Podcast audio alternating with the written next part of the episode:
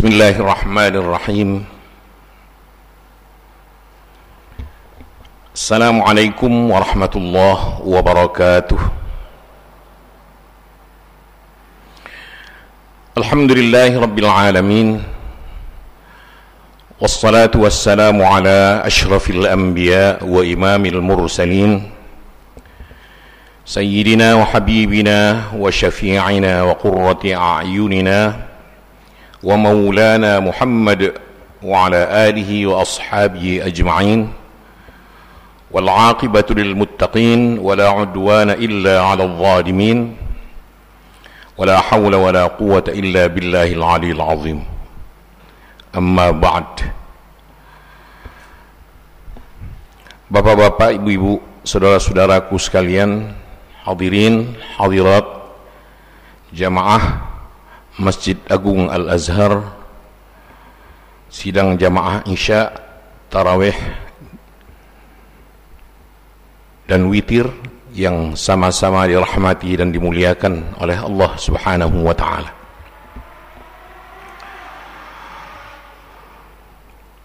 Prerogatif Allah untuk mencipta dan memilih ciptaannya. Wa rabbuka yakhluqu ma yasha'u wa yakhtar dari semua makhluk yang diciptakan oleh Allah makhluk hidup manusia dipilih. Allah yang memilih. Sebagai makhluk yang mulia. Dari semua manusia yang mulia ada kelompok yang termulia. Mereka adalah para nabi dan rasulullah dan rasul-rasul Allah di muka bumi. Dari semua nabi dan rasul Allah masih Allah pilih. Lima dari mereka termulia. Nuh alaihi salatu wassalam Ibrahim alaihi salatu wassalam Musa alaihi salatu wassalam Isa alaihi salatu wassalam dan Muhammad sallallahu alaihi wasallam. Dari lima yang dipilih oleh Allah yang termulia masih juga dipilih lagi oleh Allah satu dari mereka termulia. Dialah Muhammad sallallahu alaihi wasallam. Kita lihat waktu. Waktu itu ciptaan. Allah yang menciptakannya. Umur setahun itu adalah 12 bulan. Bukan rekayasa manusia. Teks wahyu menunjuk itu dalam firman Allah A'udzu billahi minasyaitonir rajim inna iddatasy syuhuri 'indallahi 12 syahran fi kitabillah. Yauma khalaqas samawati wal ard. Minha arba'atun hurum. Inti ayat ini jumlah bulan dalam setahun ada 12 Empat di antaranya disebut bulan-bulan haram. Bulan terhormat. Dari 12 bulan ini Ada satu yang dipilih oleh Allah termulia. Dialah bulan yang sekarang kita ada di dalamnya. Kita lengkapi satu poin lagi. Allah ciptakan ruang dari semua ruang yang ada di alam semesta ini di muka bumi Allah ini yang paling mulia adalah ruang yang disebut masjid atau musalla indahnya mall sementara musallanya nyempil ruang musalla yang sempit itu lebih mulia di sisi Allah daripada kemegahan mall itu prerogatif Allah untuk menentukan dan memilih ruang termulia. Dari semua rumah Allah, masjid dan musalla di muka bumi ini, Allah pilih lagi tiga masjid termulia. Al-Masjidul Haram, Al-Masjidul Nabawi Syarif, dan Al-Masjidul Aqsa di Palestina. Sehingga dalam hadis Bukhari, Rasulullah SAW bersabda, "La tushaddu rihal illa ila thalathati masajid." Bepergian wisata rohani tidak dianjurkan kuat selain menuju tiga tempat ini. Al-Masjidul Haram wal Aqsa wa masjidi hadha Masjid Nabawi di Madinah. Hadirin, hadirat jamaah Masjid Agung Al-Azhar yang dirahmati oleh Allah Subhanahu wa taala. Karena kemuliaan bulan ini karena Allah pilih dia menjadi mulia maka berbeda segala aktivitas manusia dalam penilaian Allah di dalamnya berlaku ketentuan Rasulullah sallallahu alaihi wasallam man tatawwa'a fihi bi khaslah min khisalil khair kana kaman adda fariidah fi ma siwah. Wa man adda fihi fariidah kana kaman adda sab'ina fariidah fima siwah. Orang yang melakukan kebaikan yang nilainya cuma sunnah saja di dalam Ramadan ini diberi ganjaran pahala sama dengan wajib. Sama dengan amalan wajib. Padahal sunnah. Sementara yang wajib seperti sholat isya tadi diberi pahala oleh Allah karena kemuliaan Ramadan yang dipilih oleh Allah ini seperti pahalanya seperti kita mengerjakan 70 kali sholat isya. Maka saudaraku sekalian tidak berlebihan jika kita katakan dan para ulama lebih awal mengatakan ini bahwa di dalam Ramadan setiap tahun dalam Ramadan tidak ada lagi pahala sunnah. Semua pahala dinilai oleh Allah seperti pahala wajib.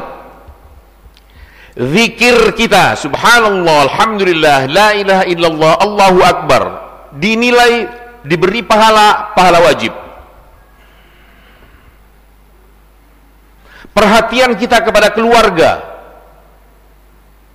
nafkah kita untuk keluarga diberi pahala wajib bahkan berlipat ganda. Karena memang hukumnya wajib. Tilawatul Quran diberi pahala seperti pahala wajib.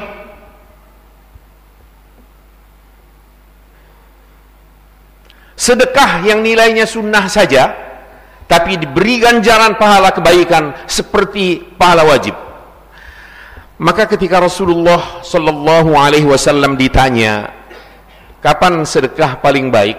Jawab beliau sedekah dalam Ramadan. Ketika beliau dikonfirmasi, kapan umrah paling baik? Beliau menjawab umrah dalam Ramadan. Tapi masih pandemi di luar dalam kondisi normal. Umrah dalam Ramadan. Ketika dikonfirmasi lagi apa kebaikan umrah dalam Ramadan? Rasul menjawab singkat padat. Kana kaman hajja ma'i. Pahala orang yang berumrah dalam Ramadan itu seperti yang bersangkutan menunaikan ibadah haji bersamaku Rasulullah Muhammad sallallahu alaihi wasallam Saudaraku sekalian menyadari hal ini maka jangan lewatkan waktu berlalu begitu saja dan kita abai terhadap amaliyah sunnah. Yang wajib oke. Okay. zuhur kita kerjakan subuh kita jalankan lillahi ta'ala. Asar maghrib isya kita jalankan karena wajib. Yang sunnah kerjakan ini musim yang dibebaskan oleh Allah sesuai keinginan kita masing-masing untuk meraih nilai kebaikan sebanyak-banyaknya. Ibaratnya kaleng dihargai seperti harga emas. Besi dihargai seperti harga emas. Sementara emas diberi harga 70 kali lipat dari harga emas biasa. Subhanallah. Saudaraku sekalian, para hamba Allah yang disayanginya. Ini satu di antara keistimewaan Ramadan, menawarkan kebaikan yang luar biasa. Maka memang bulan penuh dengan barokah. Bahasa yang tepat adalah syahrun mubarak. Jangan katakan syahrun karim. Tidak ada syahrun karim. Yang tepat yang benar syahrun mubarak. Bulan yang diberkahi yang penuh dengan barakah dari Allah Subhanahu wa taala. Sisi lain keistimewaan Ramadan menawarkan pengampunan ilahi. Kita akan memasuki 10 hari yang kedua. Insyaallah Allah beri umur. Saudaraku sekalian Kenali titik-titik pengampunan Allah dalam Ramadan. Puasa kita asal benar-benar puasa pada siang hari dapat mendatangkan maghfirah Allah Subhanahu wa taala. Sesuai sabda Rasulullah sallallahu alaihi wasallam, "Man shama Ramadhana imanan wa ihtisaban ghufira lahu ma taqaddama min dhanbi." Tapi benar-benar imsak Jangan cuma imsak dari lapar, dari makan dan minum dan sahwat biologis. Pendengaran kita harus diimsak juga. Ditahan terhadap hal-hal yang memang akan mengancam pahala puasa. Arahkan menuju yang baik. Penglihatan kita penciuman kita, sikap berpikir dan hati kita, semuanya harus dikendalikan. Mungkin imsak di situ akan lebih mengena untuk arti bukan cuma hanya ditahan, tapi dikendalikan. Diarahkan menuju hal-hal yang positif yang semakin menambah nilai pahala kebaikan dan akan mendatangkan pengampunan dari Allah Subhanahu wa taala. Rasulullah sallallahu alaihi wasallam bersabda, "Man shama ramadhana imanan wa ihtisaban ghufira lahu ma taqaddama min dhanbi." Atas panggilan iman dan berharap pahala kebaikan semata-mata dari Allah, maka Allah akan mengampuni dosa-dosa kita yang yang lalu. Titik pengampunan kedua, menghidupkan malam Ramadan dengan ibadah. Tarawih kita selain diberi pahala kebaikan seperti kita mengerjakan yang wajib begitu juga witir diberi pahala wajib lebih dari itu ia mendatangkan juga pengampunan ilahi. Berlaku sabda Rasulullah sallallahu alaihi wasallam man qama ramadhana imanan wa ihtisaban ghufira lahu ma taqaddama min ini hadis sahih semua. Hadis Bukhari Muslim muttafaqun alaihi dari Abu Hurairah radhiyallahu anhu orang yang menghidupkan malam Ramadan dengan ibadah kepada Allah atas dasar panggilan imannya dan berharap pahala semata-mata kepada Allah saking tulusnya dia tidak berharap apa-apa dari makhluk maka dosa yang lalu akan diampuni oleh Allah Subhanahu wa taala. Yang ketiga, titik pengampunan Allah dalam Ramadan ada dalam layali al-qadar malam-malam al-qadar. Sepuluh malam yang terakhir dari bulan suci Ramadan diutamakan malam ganjilnya. Dari semua malam yang ganjil diutamakan lagi malam ke-27 menurut riwayat dari Abdullah ibnu Abbas radhiyallahu anhu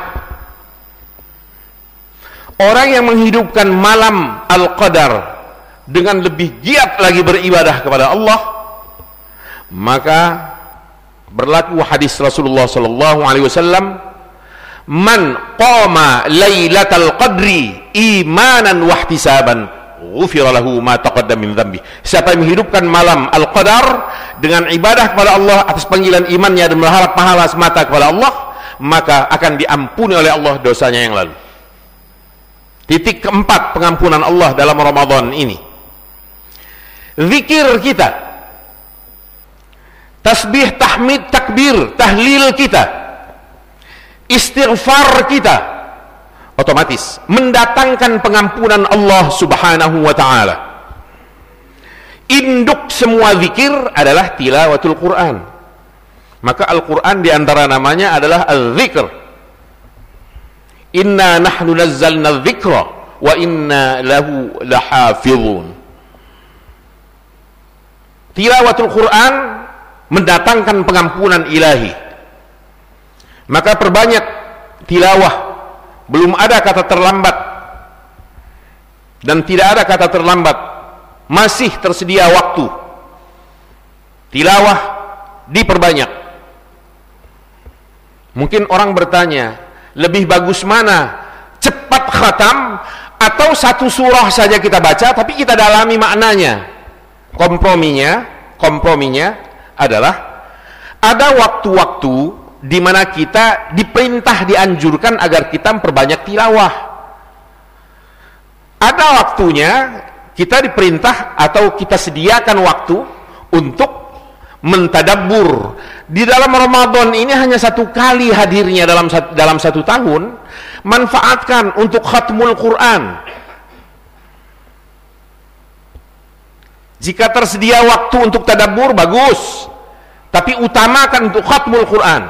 Imam Syafi'i radhiyallahu anhu dalam Ramadan bisa menghatamkan dan sudah menghatamkan dalam satu Ramadan itu 60 kali khatmul Quran. Siang 30 juz, malam 30 juz. Utsman ibnu Affan radhiyallahu anhu. Khalifah ketiga setelah Abu Bakar Umar.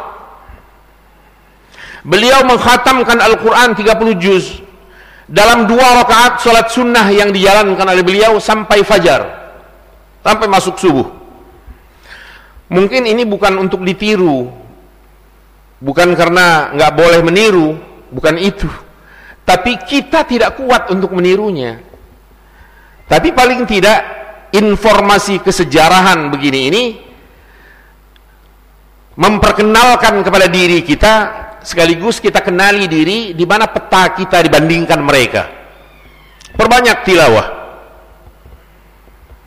Jikapun tidak mampu menghatamkan 30 juz itu dalam satu bulan Ramadan ini, ya sekurang-kurangnya 10 juz atau sepertiga dari Al-Quranul Karim.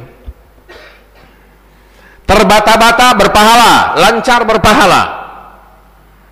Tilawatul Quran mendatangkan pengampunan ilahi. Poin terakhir dari sekian yang ada pada malam ini, satu titik pengampunan ilahi lainnya adalah sedekah kita. Terutama memberi konsumsi makanan atau minuman kepada orang yang berpuasa pada jam berbuka untuk dia gunakan membatalkan puasanya pada maghrib. Walau hanya sebutir kurma kita berpahala ganda. Selain kita berpahala karena kita berpuasa Allah tambahkan pahala sebesar pahala puasa orang yang kita beri minum itu tanpa mengurangi sedikit pun pahala kebaikan dirinya sendiri maka jangan malu bersedekah jangan hitung-hitungan bersedekah untuk bersedekah uang jangan nunggu 500 ribu. Untuk bersedekah uang jangan nunggu 1 juta. Jangan nunggu 5 juta. Jangan nunggu kaya. Ada gerak hati setiap hari kita bersedekah walau hanya 1000, 2000, 5000, 10000 jalankan. Boleh jadi 10 ribu yang kita keluarkan dibarengi dengan keikhlasan dapat mengungguli 100 juta orang miliarder yang ia nafkahkan juga seribu bisa mengungguli pahala kebaikan satu juta. Sepuluh ribu bisa mengungguli seratus juta. Jika disertai dengan keikhlasan kita dalam memenuhi panggilan Allah untuk bersedekah. Hadirin hadirat sekalian bapak dan ibu jamaah Masjid Agung Al-Azhar yang dimuliakan Allah subhanahu wa ta'ala. Demikian apa yang kami dapat sampaikan pada kesempatan malam ini. Mudah-mudahan menggugah makin menggugah semangat kita untuk lebih meningkatkan ibadah kita kepada Allah subhanahu wa ta'ala mengamalkan yang sunnah terlebih yang wajibnya. Jazakumullah khairan kathira. Semoga Allah membimbing kita dan langkah kita serta keluarga kita menuju jalan yang diridainya Allah pelihara, Allah jaga kita dan keluarga dari segala macam penyakit dan gangguan-gangguan yang ada yang dapat merusak puasa amaliyah kebaikan kita dalam Ramadan yang mulia ini. Terima kasih. Mohon maaf. Jazakumullah khairan katsira. Wassalamualaikum warahmatullahi wabarakatuh.